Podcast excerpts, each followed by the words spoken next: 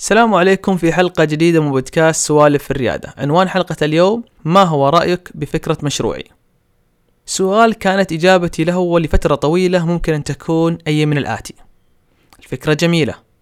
أول فكرة تحتاج بعض التعديل. أول إجابة التي لا يريد أن يسمعها أحد لا أنصحك بالإقدام على تنفيذ الفكرة. لكن منذ فترة اكتشفت أن إجاباتي كانت خاطئة. سأوضح ما هي إجابتي الآن ولماذا هي كذلك. قبل أن أذكر لك إجابتي دعني أوضح نقطة مهمة. عندما تقول لدي فكرة مشروع ولنفترض أنها الآتي تطبيق عقار على أجهزة ذكية يوضح لك معلومات قيمة ومفيدة عن المنطقة التي تود أن تسكن بها.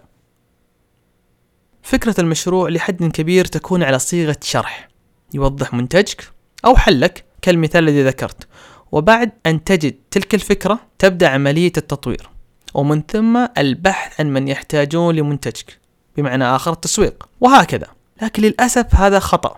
الآن هناك الكثير والكثير من المصادر عن بناء المشاريع الريادية وما هي الطرق المثلى لبنائها. ومن أهمها كتابة نموذج عمل للمشروع يسمى تخطيط نموذج العمل Business Model Canvas وتعبئة جميع المجموعات التسعة للتخطيط بما تعتقد أنه صحيح. ونسمي هذه الاعتقادات فرضيات hypothesis ثم تذهب وتتحقق. بجميع ما كتب من فرضيات على ذلك النموذج. أتمنى أن تدرك أهمية ما سبق وأن ذكرت والآن لإجابتي على السؤال ما هو رأيك بفكرة مشروعي؟ إجابتي باختصار تكون على السياق التالي. لا أعرف. حتى وإن كنت مطلع ذلك السوق إجابتي بصراحة لا أعرف. عليك أن تفترض وتتحقق بنفسك.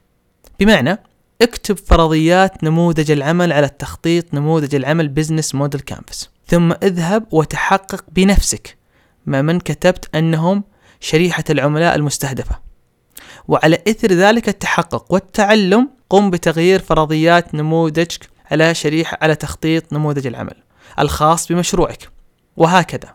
وهذا قبل أن تبدأ ببناء وتطوير مشروعك والتسويق له. غريسيا نود بناء فكرتنا العظيمة. فذلك أكثر جمال وروعة من مجرد كتابة فرضيات على التخطيط والتحقق منها. ولكنها الطريقة المثلى لتقليل الخسائر ولضمان نسبة نجاح مشروعنا بإذن الله.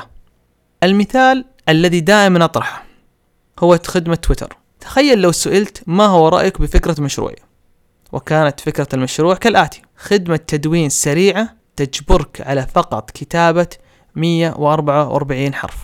ماذا سوف يكون ردك؟ فكرة مشروعك يحكم نجاحها شريحة العملاء المستهدفة. وليس آراء أفراد تعتقد أنهم خبراء. خذ برأيهم ولكن ليس شرطا أن تقوم وتنفذ ما يقولون لك. كن ريادي واختبر أفكارك بنفسك أو مع فريقك ولا تأخذ الطريق المختصر بسؤال ما هو رأيك بفكرة مشروعي وتدع رأي هؤلاء يحرمك من ولادة مشروعك الريادي.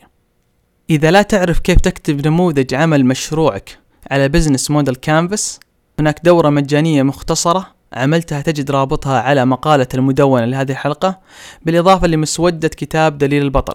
وهناك أيضا النسخة العربية من كتاب Business Model Generation الذي يشرح بتفصيل كيفية كتابة business model canvas شكرا لك وبما الله